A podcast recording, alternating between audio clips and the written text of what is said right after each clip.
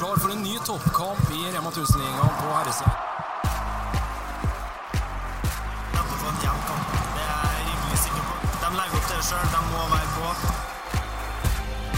Ja, Det viser litt hvor eh, gode duellspillere vi har med å gjøre. Meget godt gjort av Setterblom.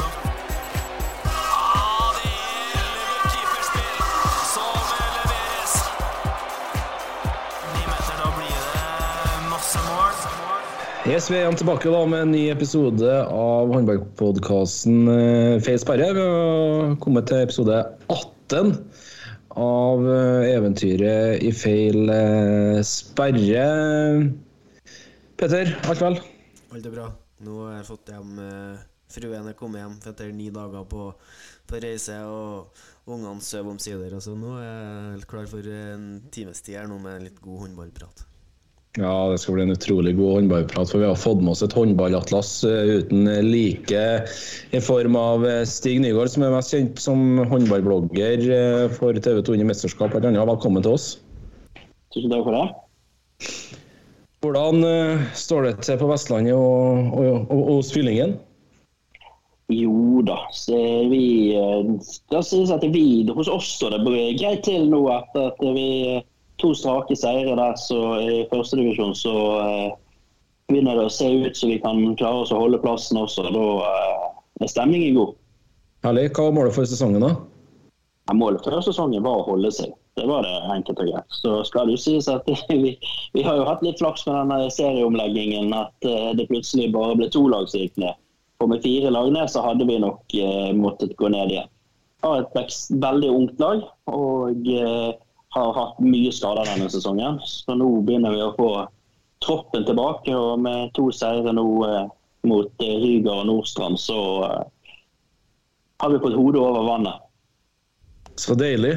Eh, mange i håndballmiljøet vet jo veldig godt hvem, hvem du er, men vi har jo noen lyttere som kanskje ikke er på nivå med ikke minst deg sjøl og meg og Petter. Eh, kan du fortelle litt eh, om deg sjøl, din håndballkarriere, din trenerkarriere og, og der du er i dag?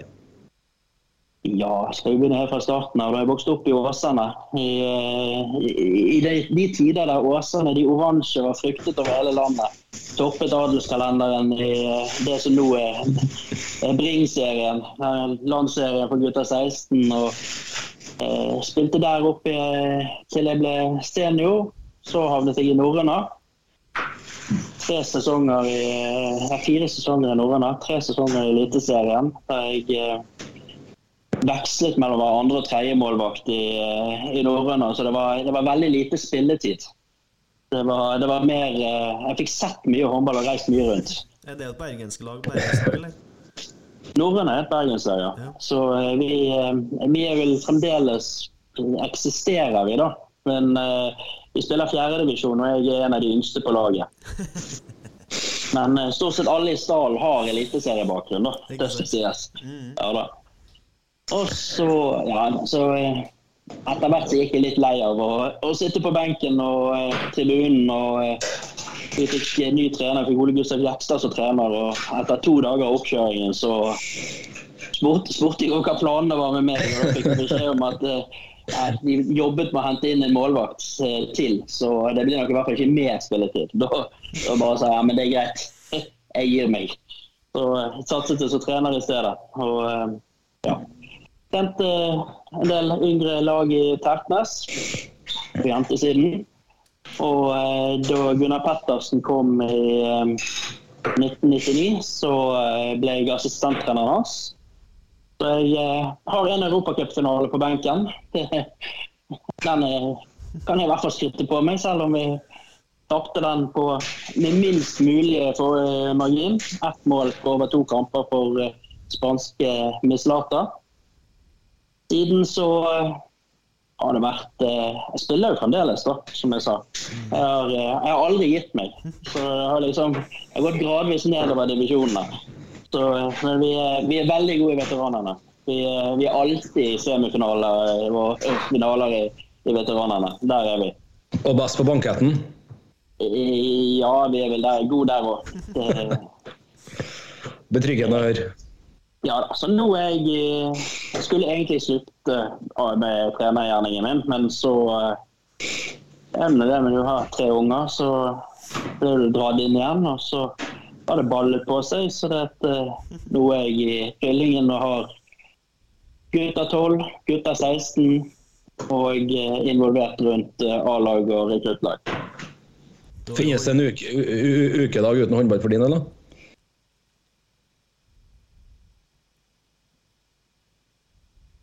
Jeg, er her, jeg. Ja, finnes det en ukedag eh, for deg uten, eh, uten håndball? Eh, Det kommer an på om det er en helgedag det ikke er kamp. Ellers så er det trening hver dag. Hver dag, ja. Får du sett, får du sett mye håndball òg, eller? eller? Hvor mye håndball ser du sånn utenom, utenom det du ser på parketten? Er jo heldig at det er en eh, familie som der alle spiller håndball og er involvert. Så det er, et, eh, det, det er ikke noe problem å få satt på når det er en Champions League eller Bundesliga-kamp. Så, så eh, det blir jo litt. Det god Det burde jeg ha planlagt for, egentlig. Det har jeg ikke gjort, så der har jeg en jobb å gjøre. Mhm. Ja, du får modene her nå, Petter. Det er bare å ta, ta til seg læring. Yes. Fort som fy. fort som fy. Men eh, Stig, litt tilbake til den Tertnes-tida med Gunnar Pettersen. Eh, litt om samarbeidet der eh, den tida. Kan vi fortelle litt om det, eller? Altså, da var jo jeg eh, 99. Jeg var gammel var jeg da? Ja, 25. Eh, ganske fersk, ung, og var eh, Plutselig ble du satt der til å ha eh, Kjersti Grini, Janne Kolling, Mette Davidsen, Marianne Råkne, det var Mia Hundvin. Det var liksom eh, det var, det var de du skulle trene. Og Gunnar valgte å pendle, sant? sånn at han reiste hjem hver fredag hvis ikke vi hadde hjemmekamp. Så hver fredag sto jeg og hadde treningene. Ja. I, begyn i, be I begynnelsen så var jo du eh, full av ærefrykt, men det skal sies. Eh, de mest profesjonelle spillerne er jo de beste. Altså, Kjersti Grini sto skolerett for en eh, 25 år gammel eh, tredjemålvakt fra Norrøna som eh, og hørte på alt jeg sa. Det var litt verre med de yngste, som jeg hadde gjerne trent når de var eh, 16-17-18. De, eh, de, de, de var mer der at det var vikar i timen. Så, eh, ellers så var det førerstatistikk og eh, det, det Gunnar sa når han kom, da, det var det at eh, jeg er ikke god med jenter. Jeg trenger en som kan Jeg brøler og gir beskjed, og så må jeg en som kan forklare dem på benken hva jeg egentlig mener. Så det var liksom litt av eh, oppgaven min. Jeg skulle være et litt sånn buffer mellom andre spillerne. Ja, det fungerte. Hvordan gikk det? Vant dere noe hjemlig seier og sånn eh, på den tida, eller? Nei, Vi ble nummer tre. Det var jo den tiden da du hadde backelaget med Anja Andersen, og vi hadde tre- 3500 på tribunene på en seriekamp. Og så eh, Byåsen satset jo også ganske godt den gangen. Og så hadde du selvfølgelig Larvik, som kom krypende.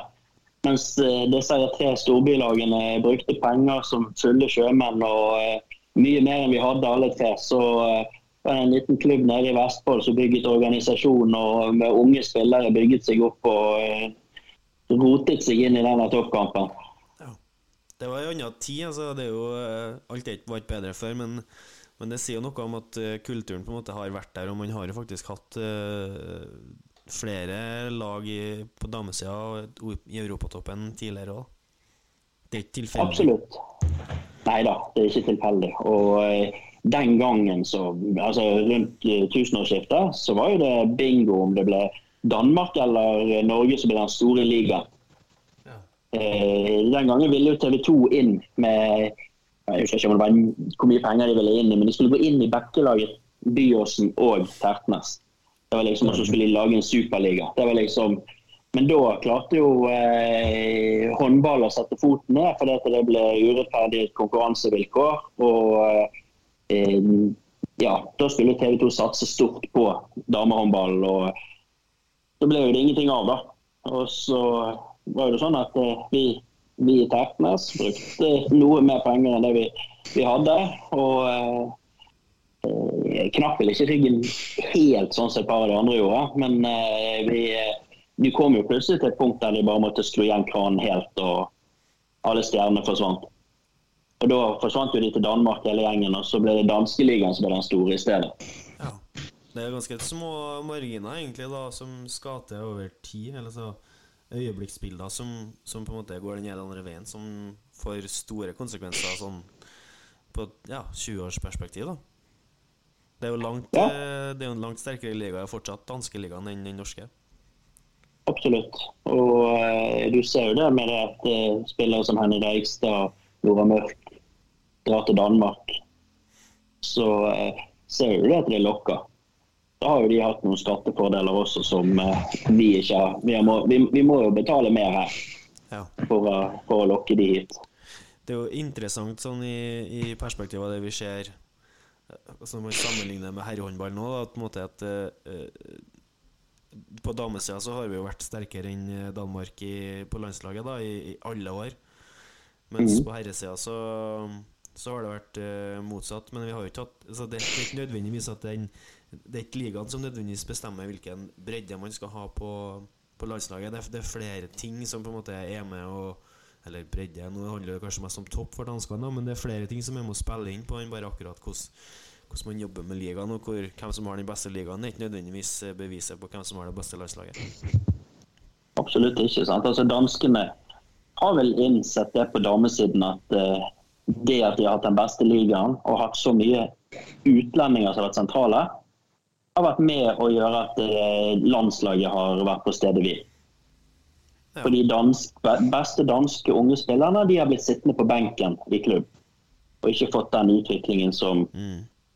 De hadde trodd og håpet på. Sant? Så uh, tror jeg det også har vært en hemsko for dem. Mens uh, hos oss så har, de, har vi hele tiden fått opp unge spillere som har fått tillit, fått prøvd seg, og så har de beste forsvunnet ut. Som igjen har gitt plass til nye som kommer opp.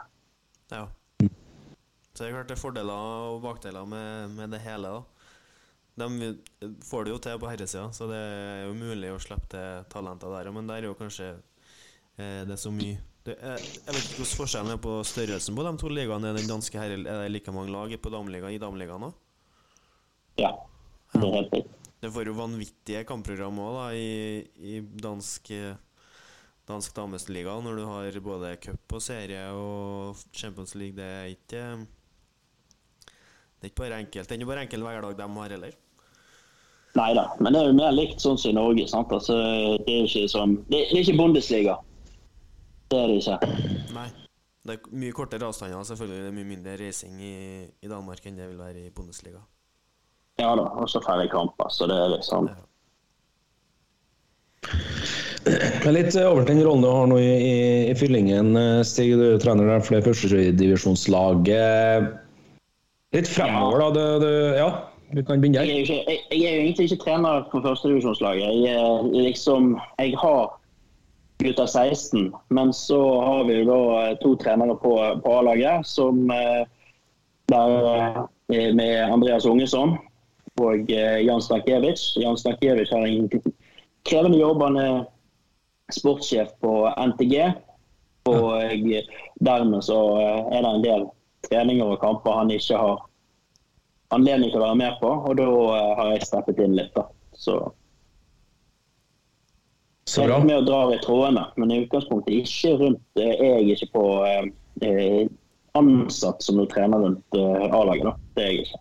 Er det lov til å spørre om det er framtid? Skal, du- skal du på en måte høyere trenerambisjoner på seniornivå, om det er damer eller herrer? Hva ja. Nei, altså for å si det sånn, jeg, jeg, jeg er litt der at jeg har egentlig ikke ambisjoner. Jeg skulle trene mine unger opp, og så blir baller bare på seg hele tiden. da. Og så eh, tok jeg eh, fullførte trener tre i fjor. da. Jeg eh, tok trener to i var det 97. Så, så det, det, det, blir, det blir en stund til jeg tar trener fire.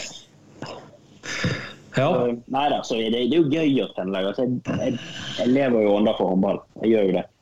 Og da Jeg elsker å stå på gulvet og, og trene lag. Og, eh, ja, så eh, kommer han nok til å være med, med videre også. Sant? Nå går han Eldste datteren min hun eh, er blitt senior og har egentlig trappet ned håndballen. Mens eh, han mellomste sønnen min han går jo opp på senior neste sesong. Og så har jeg minst igjen, da. På tolv. Herlig. Vi får jo et spørsmål på Twitter da, som er litt sånn i, i den her eh, gata der Leif Inge Brekke spør, eh, spør, han om, spør han om han skriver spør han om Bergen, Fyllingen og TIFF Viking, eller Viking TIFF. Det er at eh, Ta det først, da. Heter det TIFF Viking eller Viking TIFF? Det heter Turn- og idrettsforeningen Viking. Så det er TIFF Viking som er korrekt. TIFF Viking som er korrekt, ja. Et av de eldste idrettslagene i Bergen. Ja. Da, da fikk Sol Solveig uh, Sønve svar på det. Det fikk hun. Men han spør, eh, som alle spiller i samme divisjon, hva er veien videre for herrehåndballen i Bergen? Og For å ta med da, så får vi to spørsmål i tillegg om, om Bergens nye trener. Eh, både kong Johan, Jørgen Dybwad og Leik Nygaard spør hva tror du om Bergens nye trener Fredrik Tønne? Eh, det glir jo litt over i hverandre, men for å ta det første først, da, hvor, hvor ser du for deg at veien går videre for Bergenshåndballen? Ja, altså, alt er jo egentlig rotet til. Sant? For eh, Bergen brøt jo ut av eh, fyllingen før forrige sesong og skulle bli hele Bergens lag. Og eh, den liksom overbyggsklubben som eh, skulle være naturlig for de, de beste å gå til i Bergen. Og så rykket de ned. Mm. Og eh, så har jo de hatt litt begrenset eh, økonomi denne sesongen, da, som har gjort at eh, spillerstallen har vært tynn. Og de har, de har altså, Førstesyveren til Bergen er kanskje den beste i, i førstedivisjon, men så er det veldig tynt bak. Som gjør at de Og så har du da Rasmus Karlsen, som bor i Trondheim og trener en gang i uken med, med Bergen. og er, er sentral på laget. Eh, så har du kommet i den situasjonen denne sesongen at Viking har liksom gått ubeseiret. I utgangspunktet ikke et stort lag på papiret, men har spilt en fantastisk eh, håndball. Eh, enorm fart. Altså når, du, når du leder divisjoner et snitt på 32 baklengs, og har vunnet samtlige 16 kamper. Forteller du litt om, forteller du litt om hva slags uh, håndball det er. sant? Ja, ja. De fikk inn uh, Khaled Shentou foran denne sesongen som trener, som har uh, gjort en fantastisk uh, jobb med dem. Og de er jo så å si klar for opprykk. Mm. Mens Bergen da igjen har et ja, Ser ut som de havner i en kvalik. Og da får Sandnes eller Haslum i, der. Så det blir jo et spørsmål å se. Og Det blir jo vanskelig for Bergen å opprettholde den posisjonen som hele Bergens lag, når du har et annet lag som da ligger i divisjonen over. Og så har du da Fylling... Ja. ja. Så har du Fyllingen, da, som er mer håper jeg si, eh, talentmaskinen som eh, altså Vi har jo knapt en spiller som er født før 2002 i Asdalva. Eh, og eh, sant, vi har to 2006-ere som har spilt eh, førstedivisjon denne sesongen. og eh, det er, liksom, det, det er veldig ungt. Og Bergen har ingen rekruttering, for de har jo bare ett lag. De har jo ingen yngre lag, ingenting. Eh, Viking har jo også en litt der at de har ikke så mye å ta av nedover, de heller. Eh, så det blir veldig spennende. Nå har jo han Khaled Chantou han har jo satt opp, sagt opp, så han gir seg etter sesongen. Så de må ut på trenerjakt. Kristian eh, Åndal er toppskårer og beste spiller. Klar for eh, eh, Aranes i Sverige. Mm. Så eh, plutselig så en veldig spent. Men, men Viking er en veldig rik klubb.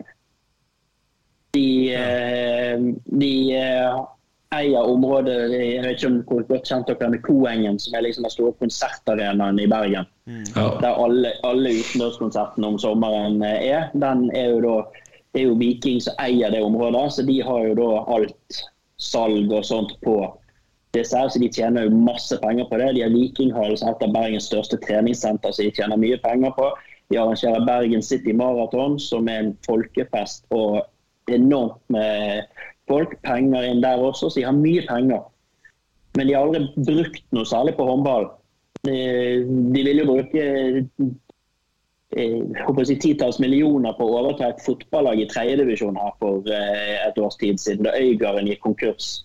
eh, Så ikke ble av. Så, dette, så har de Roger Gjelsvik, som er en mann i Olympiatoppen, så er det liksom klubbens sterke mann. Og Hvis han plutselig finner ut at nei, pokker, nå skal vi bruke penger, så, så kan det være at de bruker penger. Så det er jo det som alle går i Bergen og venter på, å se hva velger Viking å gjøre når de er opp, rykket opp. Mm. For det, det laget de har nå, det har ingenting i eliten å gjøre. Og de må ha ny trener, og de må ha mye spillere. Og så kommer I tillegg så ser det ut som at Åsane også skal rykke opp i førstedivisjon. Så det, det kan fort være ett lag i eliten og tre i første. Eller kanskje hvis Bergen klarer kvaliken, kan du få to i eliten og to i første. Det tror jeg ikke Bergen har hatt før. Nei, det er jo en vanvittig mengde med gode håndballspillere som på en måte skal inn i den type eh, sat, altså, satsing med fire lag i de to øverste divisjonene. Og så er det tre lag i, i første divisjon. Det kan jo du, du, Det skal mye til for at det på en måte er drivverdig kun med talenter fra Bergen, eller? Er det Nei, det, det, det er overhodet ikke det. Det, det, det. det er ikke nok spillere i Bergen til det. Nei. det er så enkelt er det. Det er ikke nok spillere på det nivået i Bergen til at eh, det skal gå. Så, også, men Bergen er Bergen. Det, det er ingen som kan samarbeide i Bergen. Alle skal være best. Sånn at uh, man sitter på hver sin haug og uh, håper det skal gå galt med de andre og at du skal lykkes. Og så uh, blir, det, blir det veldig sjelden at det blir noe som, som blir noe sånn veldig stort ut av. Det er jo synd. altså skulle Neste spørsmål mitt var jo nettopp det. Hvordan er samarbeidet? For nå får jo Bergen håndball får jo en, en trener som, som vi kjenner godt fra Trondheim, Fredrik Tønne, som vi vet kan utvikle håndballspillere, og som har kommer fra en klubb der det drives vanvittig godt i yngre. Så han har helt sikkert vært godt involvert på flere lag. Han vet på en måte Han, har, han er ung. Han er født i 95. Syv- 27 år, ja. 27 Men han har en viss pondus på, på det som har med, med klubb å gjøre, altså. altså og, og, og du ser sjøl, Fyllingen er en talentfabrikk uten like. Så det er jo synd hvis man, ikke, hvis man kan ha tre lag oppe der, og så, og så får man ikke til et samarbeid. Man greier ikke å gjøre noe sammen for på en måte å, å befeste byen i, i toppen, istedenfor å tenke liksom klubb, klubb, klubb. Det må jo være eh, frustrerende for bergensborgere som er interessert i håndball, å se tre, tre klubbledelsen Tre ledelsen i tre klubber sitte og knive sånn. Det må jo være bedre å samle kreftene og, og gå for gull istedenfor å være middelavsfarere. Det er jo det som er Bergen i et nøtteskall. Altså, vi, vi er Norges latinere. Vi er liksom, eh, og det er noe med det der at man, eh, man ønsker så veldig å gjøre det best sjøl. Eh, altså, alle snakker jo om bergensere. Høylytte, eh, selvsentrerte. Og så kan du bryte det ned i bydeler igjen også, i Bergen. Sant? Og i klubber. Så det er liksom den der eh, enorme lokalpatriotismen. Den er, den er for Bergen når du er til hele landet, men når du er inne i Bergen, så er det til klubben din. Og, og det er noe der som gjør at eh, man har hatt vanskeligheter for å, eh, å samarbeide. Sånn sett så håper jeg litt at Bergen skal gå opp. For eh, hvis Bergen går opp, så har jeg en viss tro på at vi kan klare oss å få til et samarbeid på et eller annet vis mellom Fyllingen og Bergen Ja. igjen. Og eh, det, altså er no, vi, vi, er no, vi, vi er flere som snakker sammen i, i begge klubbene. Sant? Og eh, så er det liksom det, det, det var mye bitterhet i Fyllingen når de brøt ut. Eh, og så har det da vært folk på, eh, som sitter på hver sin tue og ikke har villet eh, snakke med hverandre. Og så er vi andre som eh, driver også sånn uformelt snakker med hverandre. Så vi har jo hatt litt nå og på nytt, etter nyttår så vi har hatt et par treninger sammen med, med Bergen med, med Fyllingen. Men begge førstedivisjonslagene har trent sammen. Eh, fordi at eh, de er få og trenger flere på trening. Mens vi trenger mer matching fra, på trening med, med bedre motspillere. Ja. Så det er egentlig en vinn-vinn for, for begge parter. Ja, det er jo øh, synd at man ikke kan dra Viking inn i det her og få god økonomi i tillegg og kunne faktisk kunne satse hardt, da, for det hadde jo kommet til å gitt uh, Håndball-Norge et øh, noe ordentlig, ordentlig, ordentlig bra, da. Hvis man hadde hatt eh, Ja. en klubb i Bergen som hadde penger, som var villig til å bruke penger i tillegg til en talentfabrikk, og eh, en Fredrik Tønne. Der ser du bare plusser der, så det, det, det er jo kjempesynd hvis man ikke greier at man ikke kan samarbeide om det. Og det er sikkert flere byer som kjenner seg igjen i, i mer eller mindre om det både på dame- og herresida, så Nei, det, det, er jo tydelig at det er muligheter da, hvis man bare greier å se dra i samme retningen. Ja da. Jeg sa jo det før denne sesongen her at uh, vi har tre lag i førstedivisjon. Til sammen så hadde du hatt et lag som hadde vært suveren. Mm. Nå har vi jo faktisk et lag som er suverent i divisjonen likevel, men til sammen så har du hatt et lag som var suverent, og som hadde hatt noe i Eliteserien å gjøre. Mm. For det, Da hadde du hatt rekrutteringen i, i fyllingen, du hadde hatt pengene til Viking, og du hadde hatt erfaringen til Bergen både på ledersiden og eh, på spillersiden. Som, som, liksom har de beste spillerne, men som eh, ikke har bredden igjen. Sant? Så det er liksom Vi har alle hver sin ting som de andre trenger. Ja, det blir jo litt det samme. så jeg kan ikke dra for harde paralleller til det til Trondheim. Men på en måte når, når Kolstad drar ifra sånn som de gjør nå, så, så vil jeg jo tro at på et tidspunkt så er det behov for et eliteserielag til i, i Trondheim. Og skal Skjolden og Melhus drive og skrive om de beste spillerne og de på en måte topp sju-åtte spillere i Trondheim som ikke skal tjene eh, pengene sine i Kolstad, hvis de skal drive og være i forskjellige klubber, da, klart, da, da får man ikke en, en, eh, en, plass til der unge trøndere kan utvikle seg i Eliteserien, med mindre de går ut av Trøndelag.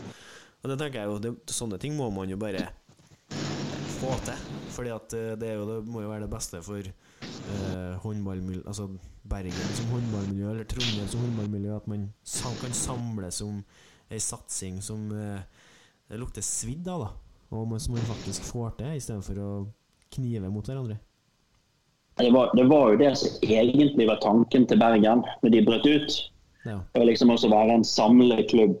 Men så altså, de, de, gjorde mye feil i måten de, de Timing og måten de gikk ut mot klubbene og eh, gjorde at de, de, de, klarte ikke å samle Bergen bare under seg.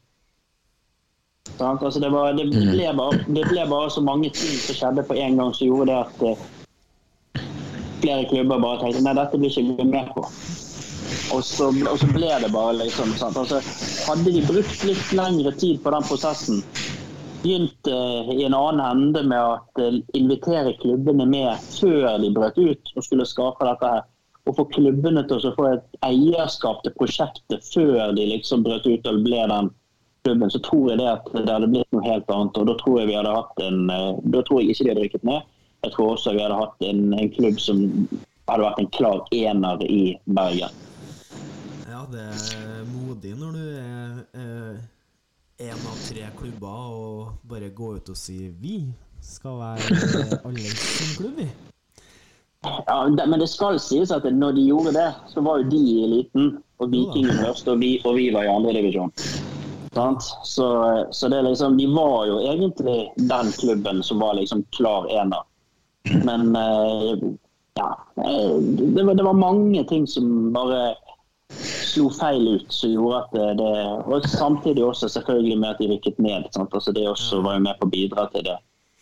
Og Da var det plutselig tre klubber i første divisjon, og da, da, var det liksom ikke noe naturlig i utgangspunktet at de skulle være en, en ener. Men jeg tror det at det, hvis det er en klubb som kan bli det, så er det de. Jeg tror ikke Viking blir bergensklubb, selv om de rykker opp. Så, eh, sånn sett, så for, for bergenshåndball så tror jeg nok kanskje det er best hvis Bergen rykker opp. Ja, det er spennende, og det skal bli spennende å følge med. For det er jo som i fotball, man er på en måte uh, Skal man eh, bygge videre på alt det her, så er man på en måte litt avhengig av at de største byene har lag i Eliteserien. Man er avhengig av at Brann kommer seg opp igjen på hesten. Man er avhengig av Vålerenga. Man må ha med seg eh, Trondheim, Stavanger, Bergen, Oslo for at på en måte man skal Altså må og må, men i hvert fall, i hvert fall ting blir mye lettere hvis man har med seg de beste, største lagene der det er mest folk. Man trenger å ha mm. masse folk for å få til noen få gode. Så må man ha veldig mange uh, i bredden. Så um, spennende å følge bergenshåndballen de neste to-tre årene. Absolutt. Ja, nei, Det blir veldig spennende å se hvordan eh, ja, Viking som du sier, fører meg sannsynlig opp til Eliteserien. Så får vi se hva de bestemmer seg for. De har nye trenere og sikkert nye spillere. og Så får vi se om det blir lagt noen penger på bordet i tillegg. Jeg tror vi beveger oss litt fra førstedivisjon og eh, litt mot ja, et annet tema her. Eh, vi nevnte jo det i introen her, Stig. Du leies inn av TV 2 i forbindelse med en god del blogginnlegg under mesterskap. Men én ting jeg vil snakke litt med deg om først. Du har jo den vet ikke du for en utakknemlig oppgave, men i hvert fall en ekstremt imponerende oppgave med at du plukker ut de 50 beste spillerne i, i håndball-Europa, både på damesida og, og herresida. Kan du fortelle litt hvordan det du, du kommer frem til fasit? da? Fasit og fasit. Jeg er jo like uenig med meg sjøl eh, dagen etter som uh, veldig mange andre. Men uh, nei, det er jo sånn der hele tiden du, du noterer deg. Ser du håndball, noterer deg, følger med, og så er jo det, er jo det magefølelse. Sant? Noterer du sitter liksom Når det nærmer seg mesterskap, så begynner jeg da å sette ned en, håper jeg, en liste. Sant? Da, da begynner jeg å skrive ned navn. og så Noe sier jo seg sjøl. Toppen er jo stort sett altså, de syv beste sier seg ofte veldig seg sjøl hvem skal være der. Så er det bare å plassere de riktige rekkefølger og og sånt. Og så blir det til at du sitter med masse, masse navn. Sånn som på herrene nå. Så I løpet av den siste uken før jeg publiserte, så tror jeg det var en plass mellom 75 og 80 navn som var innom topp 50. Jo, jeg, altså det, jeg sitter faktisk når jeg sitter og skriver de der vurderingene som jeg skriver om de, eller det som jeg skriver om hver spiller, så sitter jeg der og så plutselig Nei. Nei, nei, nei. Han, nei ikke, han, han, kan ikke være med. Så fjerner jeg igjen, sant? og så må jeg da flytte opp igjen. og så, Nei, han kan ikke flytte så langt opp, så da må jeg flytte litt på noen andre. og Så blir du sånn hele tiden. Eh, og så er det liksom det der Det som er alltid like gøy, er jo det der at du får de som bare slår til i mesterskap. Så du gjerne har sittet og sett at eh, sånn som f.eks. en Pallika som har vært veldig svak på Paris eh, denne sesongen så sitter du liksom der og så eh, dropper han på listen, og så får du tyn. For det Palik har jo to kjempekamper i, i, VM. sant? Og da er liksom, men Hvorfor ikke Pallika er jo helt håpløs? sant? Samme som i fjor. Dika Mem har en eventyrlig sesong i Barcelona. Og jeg setter han på topp. Og så er han grisedårlig i EM. Mm. Og Det er jo det folk ser da under, når den listen kommer under mesterskapet. Så ser jeg at han er skikkelig dårlig. og Hvordan er klart å sette han på topp? Og så, så, Sånne ting er jo det. Altså jeg, sitter, jeg, sitter, og jobber med oppi hodet mitt fra jeg håper å si, september når sesongen begynner. Ja, ja. Så begynner du liksom å, um, å jobbe oppi hodet med, med, med navn. og eh, så tenker du, og så, liksom, så skal du sortere det etter hvert. sant? Det skaper engasjement, i hvert fall. Da. Det ser jeg for meg at det er ikke bare bare for deg å gå i hallen etterpå og tro at du skal eh, slippe den praten der. Den er bare å stå i. Den kommer der eh, mye på. Det er jo morsomt også. Jeg får jo masse fra utlandet. Mm. Et år når jeg hadde Diego Simonet ganske høyt oppe, så fikk jeg plutselig masse med, med, med meldinger på, både på Twitter og på eh, på, på, mail fra Argentina. Eh, det er liksom det er fra Spania, det er fra eh, Tyskland, Sverige og Danmark spesielt. da. Så akkurat det syns jeg, jeg synes jo det er gøy. Vi fikk et spørsmål her på Instagram helt på tampen her nå før vi begynte innspillinga, fra en Sika Bogdanovic. Ja. Kjenner du til han, eller? Yes. Han spør uh, Where is the Dejan Milosav... Vent, da. Milosavljev. Ja, nesten. Yes. At your top 50, why underrating my friend? Så flirer han, da. Så ja, Sika kjenner jeg godt. Det er han som er redaktør for eh, Handball Planet. Ja, Planet Handball. Uh. Så det, det, jeg sitter jo i juryen hans for uh, hvert år som kårer uh, verdens beste spiller.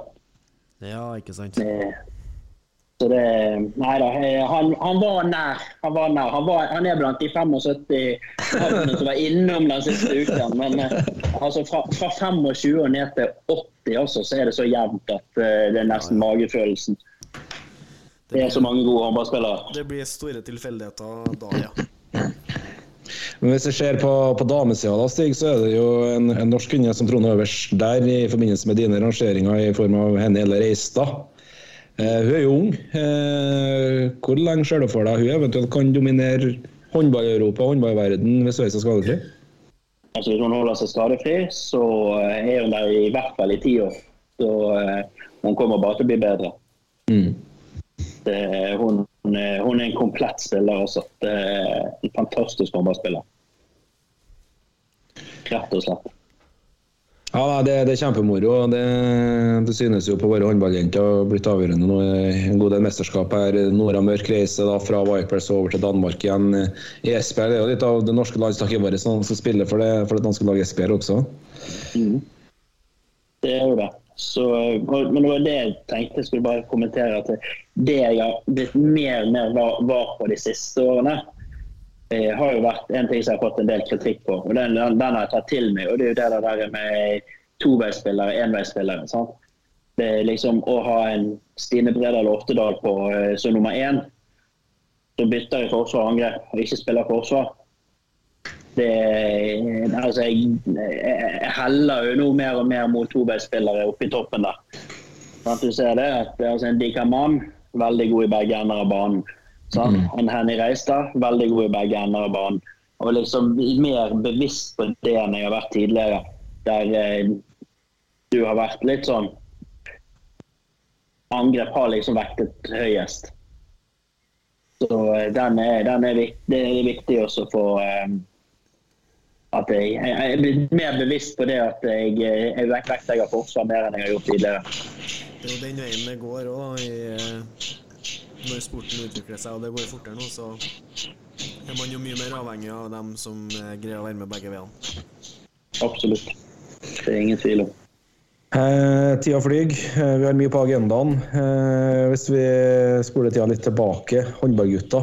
VM, kvartfinale mot Spania. Hvordan opplever du eh, det som ikke skal skje, men skjer der med, med, med Bjørnsen? For å si det sånn, Jeg vil ikke bare hugge hodet av uh, Bjørnsen. for Tvert imot, det skal vi ikke gjøre. Det er så mye som skjer der, egentlig. Eh, punkt én det er, det er ikke første gangen Spania velger altså, tingene den, Man er så sikker på at dette skal gå av seg sjøl. At, at disse, disse sekundene skal vi bare spille ned. Men så gjør jo Spania det som Spania har gjort et par ganger før. Det er det at OK, vi prøver ikke å stoppe Norge. De skal få avslutte. De vil heller ha en avslutning i sidesektor mot uh, det Vargas, og så ligger de en mann igjen fremme. Så liksom, Første unnlatelsen sin er jo at det ikke ligger en igjen bak og bare passer på Dani Dushibayev og kan ta den ballen når den kommer og hindre at den går frem uhindret. Det er jo første feil. Den neste feil er jo Sander Sagosen som kan spille Barthold på mm. fri med målvakt og velger å droppe, la være å ta den pasningen. Som gjør at dommerne er bare helt klar for å blåse altså Strikken er trukket helt til det ytterste. Så når da Bjørnsen da ikke velger å gå på målet, så har jo ikke dommerne noe annet valg enn å blåse passet. Så det, det, er liksom, det er så mange feil der. Og tingen er at Barthold kunne gått han. Mm. Men hadde satt, satt ballen i en rolig trikk, og så hadde tiden gått ut. Altså det, det det samme med Bjørnsen. Han har trukket ned mot død vinkel og så skutt derifra. Så hadde tiden vært ute. Så Det liksom, det, det koker i hodene på uh, selv de veteran, mest rutinerte veteranene. Så koker det når du kommer i en sånn situasjon som det der, så du aldri trener på. Nei, men det er, litt, det er jo litt interessant. ikke sant? Vi klarte ikke å komme til semifinale nå. Vi gjorde ikke i, i, i, fjor og for så vidt året før. Vi svikter jo på en måte i avgjørende situasjoner. her. Er det en naturlig forklaring? Er det mentalt vi skal legge det på? Hva, hva, hva er det? Nei, altså Du kan jo se det sånn. Danmark var jo litt i den samme situasjonen fram til de vant i 2008. Mm. Det, var, det, det, var, liksom det, det er mange ganger det, Du skal være i situasjonen en del ganger. Du skal være der og eh, Du lærer av det. Og du får rutine på det. Du blir tryggere i det. Eh, både i klubb og landslag. sant? Ja, ja. Eh, vi ser gjengen som står på banen for, eh, for Spania. Der, sant? Altså det er, det er Kiels og Barcelona. De har stått Mm. i Final Four og finale etter finale, og i mesterskapsfinale etter mesterskapsfinale med Spania. At eh, de, de har en helt annen rutine når de kommer der. De holder hodet mye kaldere. Og det er bare sånn at eh, ja, det, det kommer med tid. Så enkelt er det. Vi har jo en, en, en, en fersk trener. Han er ikke fersk som trener, men han er fersk i det norske landslaget. Det er hans første mesterskap som, som hovedtrener. Han har ingen erfaring med å stå det, på den største scenen som trener og, og ta avgjørelser i den eh, Altså i den settinga der, og det har jo ikke Bogquist heller. Han har jo vært Han har jo vunnet gull, men han har ikke stått og tatt liksom hovedrollen i som lagleder, han heller. Så vi, det, det, måte, det, det er mange som skal lære, og når man bytter trener, så er det noe, måte, noe av det man mister. Man har hatt Christian Berge, som har hatt suksess over, over år, og stått i dem i de situasjonene med landslaget, kommet til semifinalen og tatt de marginene med seg. Så bytter man og gjør en endring der, så mister man jo den rutinen igjen. Det er jo ikke sånn som man bare eh, får med seg videre. For altså, jo, damelaget gjør det, for de tar jo de har jo assistenten sin i ti år, og så gjør de assistenten til hovedtrener. Så det er jo helt tydelig hvem som skal bli hovedtrener på, på damelandslaget når, når Torir er ferdig, og hun heter vel Tonje Larsen. Og, og da har hun stått i de situasjonene så mange ganger sammen med Torir, og som spiller, selvfølgelig, men, men også som, som leder. Så, så jeg tror på en måte eh, de siste prosentene og den her eh, viljen om, å til å backe det i riktig retning som, ledel, som ledelse òg, at vi på en måte etter hvert òg kommer til å eh, For jeg er veldig imponert over det han gjør i sitt første mesterskap, men jeg tror det mangler litt på erfaringer i, i de tøffeste, tøffeste situasjonene for Jonas Villa, og det, det, det må vi på en måte gi han muligheten til å lære. Absolutt. Altså, Jonas har et fantastisk håndballhode. Og eh, litt av det som du får med Jonas som du gjerne ikke hadde med, med Christian, er jo det at du, han, han, han tør mer. Han er, han er tøffere på å prøve nye ting. Og eh, han, du ser også han rullerer jo laget mye, mye mer. Som gjør at du har eh, mer sprut igjen i beina på de sentrale spillerne når du kommer til en kvartfinale, enn man hadde i fjor. Eh, sånn at eh, jeg, jeg har veldig tro på, eh, på Jonas. Og det er jo liksom det der at han, som du sier, han har ikke stått i dette, han heller. Og eh, han lærer de feilene han gjør.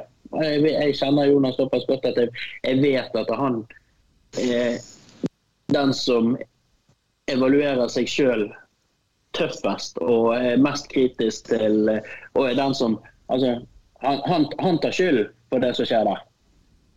Istedenfor Kristian Bjørnsen. Sant? I sitt hode så var det han, var det han som feilet. Og eh, ser på hva han kan gjøre annerledes. Sant? kan garantere deg at det kommer i samme situasjon mot Spania til neste år. Så eh, lig, ligger det et frimerke på, eh, på Dani Dushibaya bak der som ikke har, har klar beskjed om å aldri gå over med utenfor egen nimeter. Bare skal ligge som en libro sant? og ta den ballen hvis den kommer. Ja. Det er jo litt sånn, altså, Vi lærer alle våre feil. og eh, Jeg syns det, eh, det var et veldig oppløftende mesterskap, egentlig. Eh, det, det, er så lett å si at det ble bare en kvartfinale. Det ble en, eh, en kvartfinale der man taper med minste mulige margin på laget som tar bronsen, og som kunne vært i en finale. Altså det, det, det er så små marginer opp, opp der. Og eh, denne gangen så gikk det på rutinen. For denne gangen var man bedre enn Spania. Ja. Helt enig. Og For å pro- føle seg hele tida at man er det bedre laget, men at man på en måte ikke De får ut mer av laget sitt enn det vi gjør, pga. rutine og, og vekt, eh, vekttall når det kommer til å stå i de situasjonene der. Altså litt sånn Apropos helt helt der oppe, marginer som skjer da på de to finalelagene i form av Frankrike og, og Danmark og våre håndballgutter. Hvor, hvor langt unna er vi der, da? Altså De to lagene er jo per nå i en klasse for seg. Ja. Altså de, de bare ser, altså Danmark drar opp en ny eh, joker av hatten hvert eneste år. sant? Altså I fjor het den Gitzel, i år heter den Pytlik. Altså det, liksom, eh, det kommer bare opp en ny superstjerne eh, hele veien der. De har eh, fire målvakter så hadde det vært en soleklart førstevalg for Norge hvis eh, en av de hadde vært norsk. Det, det liksom eh, De har en helt annen bredde enn oss i, i øyeblikket. Frankrike altså Tenk om de hadde hatt en målvakt. da. Tenk om, de hadde, tenk om de hadde hatt en topp fem-målvakt i verden de siste ti årene. De hadde vunnet alt. Sant? Altså det, de også har jo en helt ufattelig bredde på, eh, på, ute på banen, men av en eller annen merkelig grunn klarer jo de Bortsett fra Omeye, så har jo de aldri hatt målvakter. Nei. Så eh, Mm. det er jo liksom det at en, for- Norge å møte Frankrike på en eh, normal Vincent Gerard-dag, så kan man slå dem. Ja, Klart. ja. ja. Keeperen har så mye å si. Men vi var jo vi var litt inne på det. Vi hadde besøk av Jonas Ville her i romjula. Eh, og litt på hvordan de jobber, da. De som har et skyggelag på, på, på 60 spillere som de følger tett.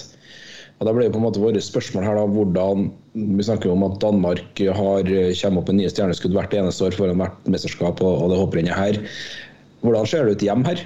Hva, har, vi, har vi noen navn? hvem kan bli den neste Sanne Sagosen, hvem bli, kan bli den neste Nora Mørk, Henny Reistad osv.? Tja eh, Vi har jo egentlig ikke per nå de som liksom baker helt oppunder det.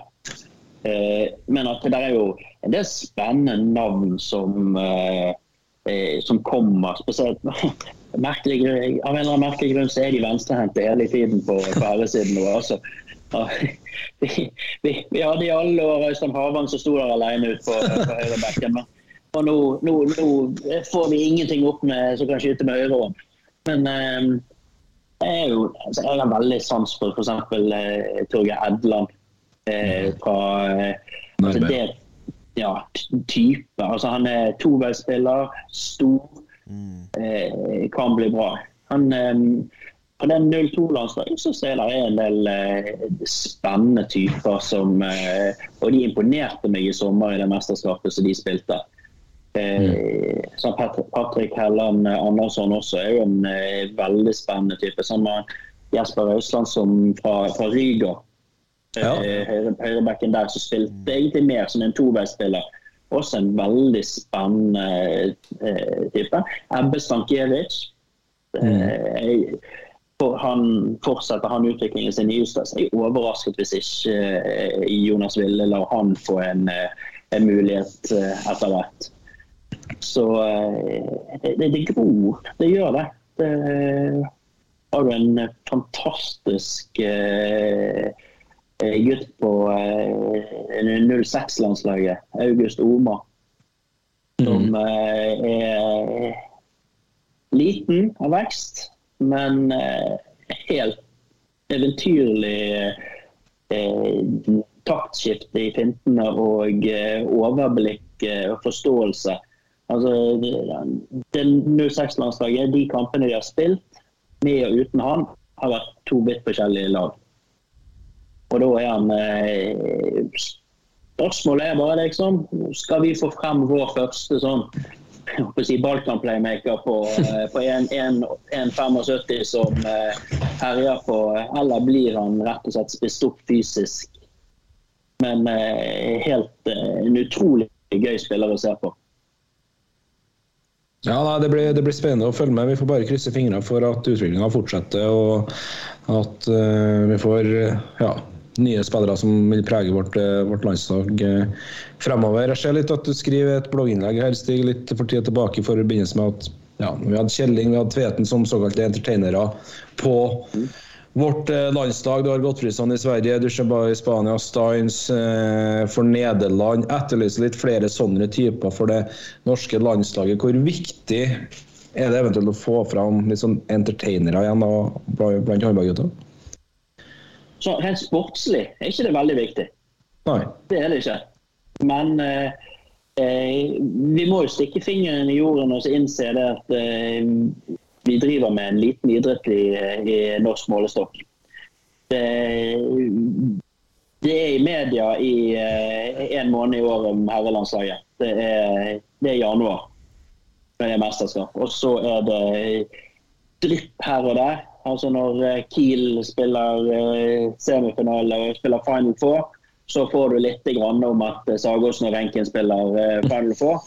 Men det, det er ikke mye håndball når opp. Og da er liksom det at jeg, jeg vil ha litt mer rock'n'roll. Du må ha litt mer så typer som byr på seg. Altså, det er litt for mange som er støpt i den samme formen. Den, eh, altså, de blir lært opp inne i NHF-systemet på at du skal være høflig, du skal være eh, når du er ute og representerer Norge. Og det er kjempebra.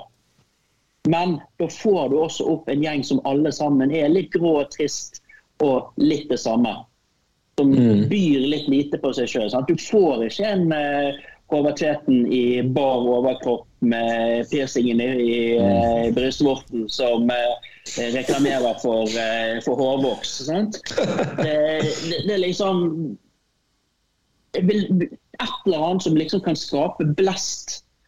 For du ser Sander har jo litt av det i seg. da Han kan av og til være litt tøff i kjeften i intervjuer, men så tar han seg i det, og så redder han seg inn på eh, og liksom, Så får du liksom landa på beina likevel. sant? Og Da får du liksom ikke de store overskriftene. Du får ikke liksom de der eh, eh, der du får litt blest i media, og du får litt trøkk, og du får liksom at eh, altså, Det er ingen på det landslaget nå som henger på eh, jenterommene til 13-14-åringer eh, i hele landet. Det hadde du med Kristian Kjelling og Håvard Teten. Sant? De er jo, eh, ser jo utrolig bra ut i tillegg, så det hjelper jo. Men jeg føler på en måte at eh, Tobias Grøndal kanskje har en liten eh, litt, Det er litt rock'n'roll i magen der. Han er litt sånn stigla sånn i svarene sine, men du ser på en måte når han i seiersrus eh, etter sluttspillfinalen i fjor eh, melder at han skal pisse på Kolstad i de nærmeste årene, så er det liksom Du har eh, litt typen Typen der, jeg er helt enig, vi, vi trenger den type mennesker om ikke landslaget, så i hvert fall for, TV, for TV2 sin del òg, at man på en måte har den type spillere som tør å ja, ta litt den Helland, Pål André Helland-rollen og fyre litt fra hofta og er litt glad i media, og at man på en måte ja, stiller opp da når vi spør om eh, vil dere skal være med på en podkast og møte opp og eh, ha litt, eh, litt frie tøyler på tunga si og tør å, å sitte og mene litt. Og det er klart at jeg vet ikke om det på en måte alltid har vært Jeg tror ikke det er så lett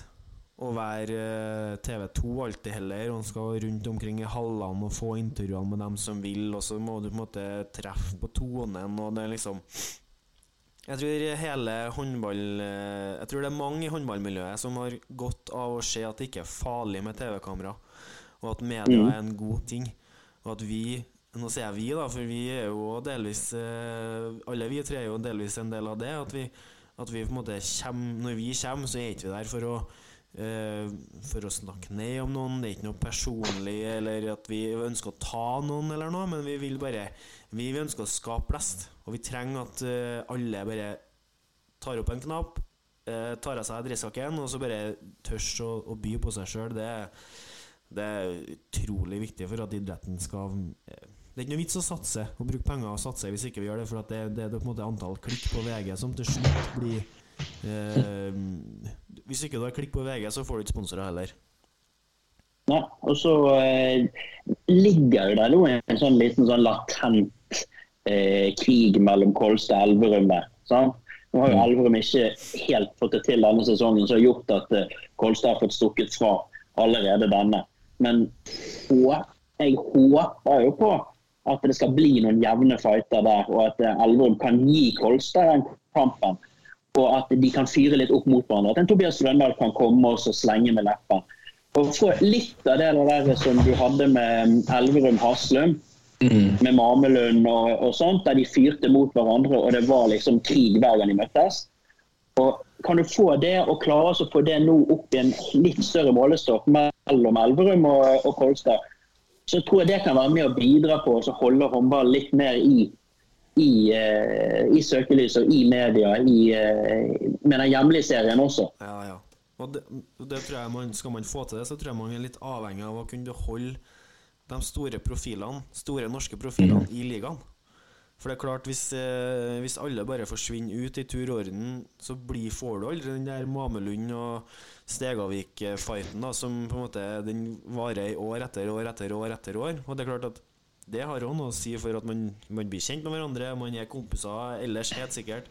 Men når media spør, så er man ikke redd for å, for å fyre litt. Og det, det er klart at eh, da, da, trenger man å kjenne hverandre. Man trenger å ha litt tak i det, for man skal møtes på landslaget, man skal møtes på samlinger, man skal liksom være venner eller så, men da må man være i den samme ligaen over tid. Og, og, og, det er jo dit vi må når vi må greie å beholde talentene mer enn til de er 22-23, og så må vi kunne utvikle dem videre. Og da vil man få den her eh, rivaliseringa, tror jeg. Da. Og jeg tror Elverum jeg tror Kåsen skal slite hardt for å vippe Elverum bort, for uh, de, det, det, er noen i skogene der som gjør at de får til håndballklubb.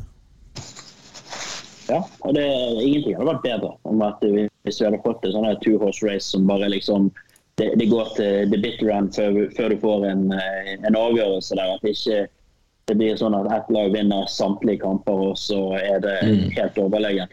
Det, det hadde betydd mye for, eh, for håndball, det også. Men liksom det, det Kolstad gjør nå, da, eh, er det, kanskje, er det en form for smitteeffekt? da, som Øverjordet kommer jo tilbake til Haslum i, i 24. Er det flere som vil melde seg på for å prøve å få, få hjem da, utenlandsprofiler hjem til Norge? Ja, så får vi opp, Klarer Bergen å få til satsingen sin, så har jo både Renken, Tangen og Bjørnsen bygget hus i Bergen som de har kjøpt, som står klart til å flytte hjem til. Sant? Men per nå så har de bare et førstedivisjonslag å dra hjem til. Så det er liksom ikke det, det, blir, det, blir, et stort steg ned, sånn som det er i øyeblikket. Men eh, ja, altså jeg tror jo det at eh, altså størst, Det som nå skjer i Kolstad, er jo det at eh, man får inn penger. Altså det, det, er noen som viser at vi satser penger på, på, på håndball i Norge. Som gjør at man kan hente de hjem før de er 35 ja. og er ferdig. Det, du, du, kan hente hjem en Sander Sagbrosen som har forhåpentlig sine beste år igjen. Fordi at du kan lønne ham på et nivå som gjør at han Det er ikke et stort tap økonomisk å flytte hjem. Nei. Nå tror jeg det er like viktig å beholde og få til å beholde de her 21-22-åringene. Sånn som Grøndal, da, at han faktisk blir i mm. Elverum og kan fortsette å ta steg og utvikle seg i Elverum. Få lov til å spille Europa møte gode lag. Eh, har, det, har, en kompetitiv serie på hjemmebane, så han slipper å dra til Danmark. Slipper å ta det steget til Sverige for å prøve. Sånn som vi har snakka med Lasse Barstad her for eh, noen for uker siden.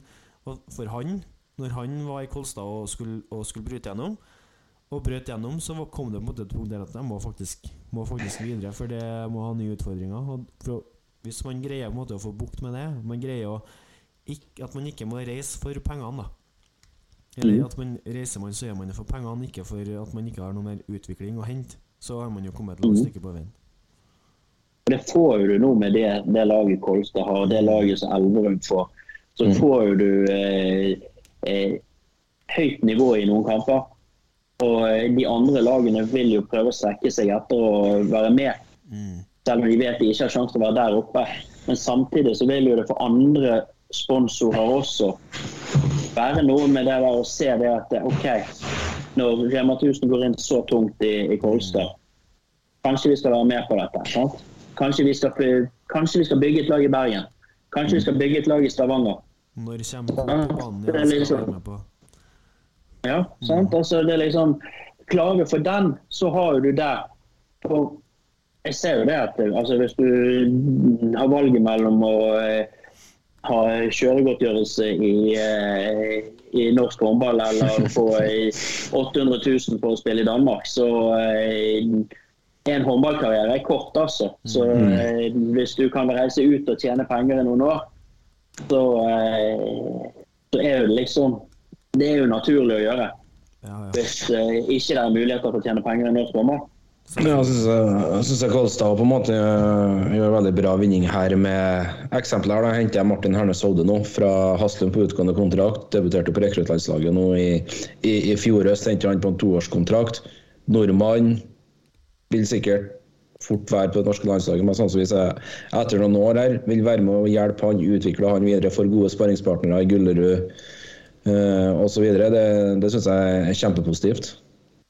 Og det må de jo bare fortsette med. Ja, og det tror jeg de gjør òg. Så er det bare viktig at det ikke blir litt sånn som på dameligaen. For dette der har du hatt eh, motsatte først med Larvik som med Vipers. Der er det ett lag som bare Du vet at et seriegull det kan du bare dele, dele ut i august, for det, det vet vi hvor det går. Og så får du bare se på det andre. For det skaper jo heller ikke interesse. Jeg hadde, hørte, nå hørte jeg på Vi, vi begynner å gå tom for tid. eh, Klokka har passert eh, 11. Men bare eh, du, Stig, du må komme tilbake, for vi har så mye, det er så mye mer vi skal snakke om. Men bare en siste ting, da. Og, og det var noe som slo meg når jeg satt og hørte eh, våre kollegaer i TV 2 med Harald og, og Bent. Og de hadde Steffen Stegavik og, og Tor Oddvar Moen som gjester her nå for ja, bare noen dager siden. Eh, og så snakker de om denne utvidelsen av seriesystemet. Og da sier han Tor Olvar Moen noe som jeg på en måte ikke har, har reflektert over, og det sier Steffen Stegavik òg, at sånn har ikke jeg tenkt på det. Men det er jo øh, hvor mye det har å altså, Er det her sluttspillet vi, vi på død og liv skal gjennom, og som vi syns setter så høyt, og som vi syns er så kult, er det egentlig bra for eh, for idretten vår? Er det egentlig sånn det bør være? Er det ikke egentlig bedre med en serie som bestemmer? At man skal bestemme Altså at første kampen teller like, like, like, like mye som den siste. For sånn som vi har det nå, så er jo den første kampen er jo egentlig ubetydelig. Så lenge du vinner de eh, ti siste, så, så stikker du av med Champions League-plassen. Hvor, hvor står du hen i denne eh, debatten om eh, antall lag i, i Eliteserien? Altså, eh, når du sa den utvidelsen, den er jeg for. Mm. Eh, jeg liker den, og så liker jeg det nye seriekonseptet med at eh, bare ett lag går ned. Ja. Fordi at, eh, og jeg skulle bare ønske at man tok tak i det videre nedover også med en gang. Og gjorde noe med første og andre divisjon også. For eh, nå får du da et veldig trangt nålag for å rykke opp i første divisjon. Nei, opp i Eliteserien. Mm. Eh, og for at et lag skal få tid til å etablere seg i Eliteserien. At ikke du skal gå opp og ned, opp og ned, og så kommer et nytt lag opp, henter spillerne til det laget som gikk ned, så må de begynne på nytt igjen. og sånn. Så har du i første divisjon, der fra neste sesong skal det gå fire lag ned av 14. Fordi at du skal lage plass til fire lag opp fra andre divisjon. Og så er det stor forskjell på, eh, på, på første og andre divisjon, som igjen gjør at det kommer gjerne opp ungt lag. Det kommer opp i eh, første divisjon. Men så er liksom det nåløyet så trangt, for du klarer ikke å eh, etablere deg, for det er fire lag som går ned igjen. Så går det noen unge lag ned. Noen plukker de beste spillerne. De lagene må bygge på nytt igjen. Så kommer et annet lag opp med noen nye spillere, og så skjer det samme igjen. I stedet for at eh, jeg mener jo det at Enten så skulle man gjort spisset andredivisjon ned til to eller tre avdelinger. Eller så lager du en kvalik fra, fra andredivisjon opp i førstedivisjon. Sånn at de fire avdelingene blir det bare to lag som går opp, og to lag ned fra førstedivisjon. Sånn at et lag får den muligheten til å, å si, etablere seg, som man nå velger å gjøre i eliten. Ja, det- Sånn at du får Helt enig. da får du en mye mer kontinuitet. Du får lag som får sjanser til å bygge seg opp. Og du får og jeg tror også det på sikt vil gagne norsk håndball. Sånn som det vil gjøre på toppen nå, så er liksom litt av tanken med det at de legger eh, utvidet til 14, for å så få den eh, mer og bare ett lag ned. Men at du får en kontinuitet og lag som får sjanse til å bygge seg opp. Unge lag får tid til å bli vant til nivået og spille seg opp i den divisjonen som de er i, istedenfor at du, du går ned. Altså, du kan bare tenke sånn, Sandnes går ned, Ryga går opp, overtar Ryga de beste spillerne til Sandnes. Så går Ryga ned, og så går Sandnes opp. sant? Altså, altså, det, det, bare liksom en, det blir en sånn ja, det blir en sånn runddans der. sant? For de som da ikke har veldig mye penger, som kan da liksom holde på de i en divisjon ned likevel. sant? Så eh, for Spillerne ønsker å spille på høyest mulig nivå. Har du fått smaken, har du fått smaken på eliteseriespill, så vil du bli det. Så, eh, nei, så, jeg, så jeg er tilhenger, men jeg har bare håpet at de tok det videre nedover også.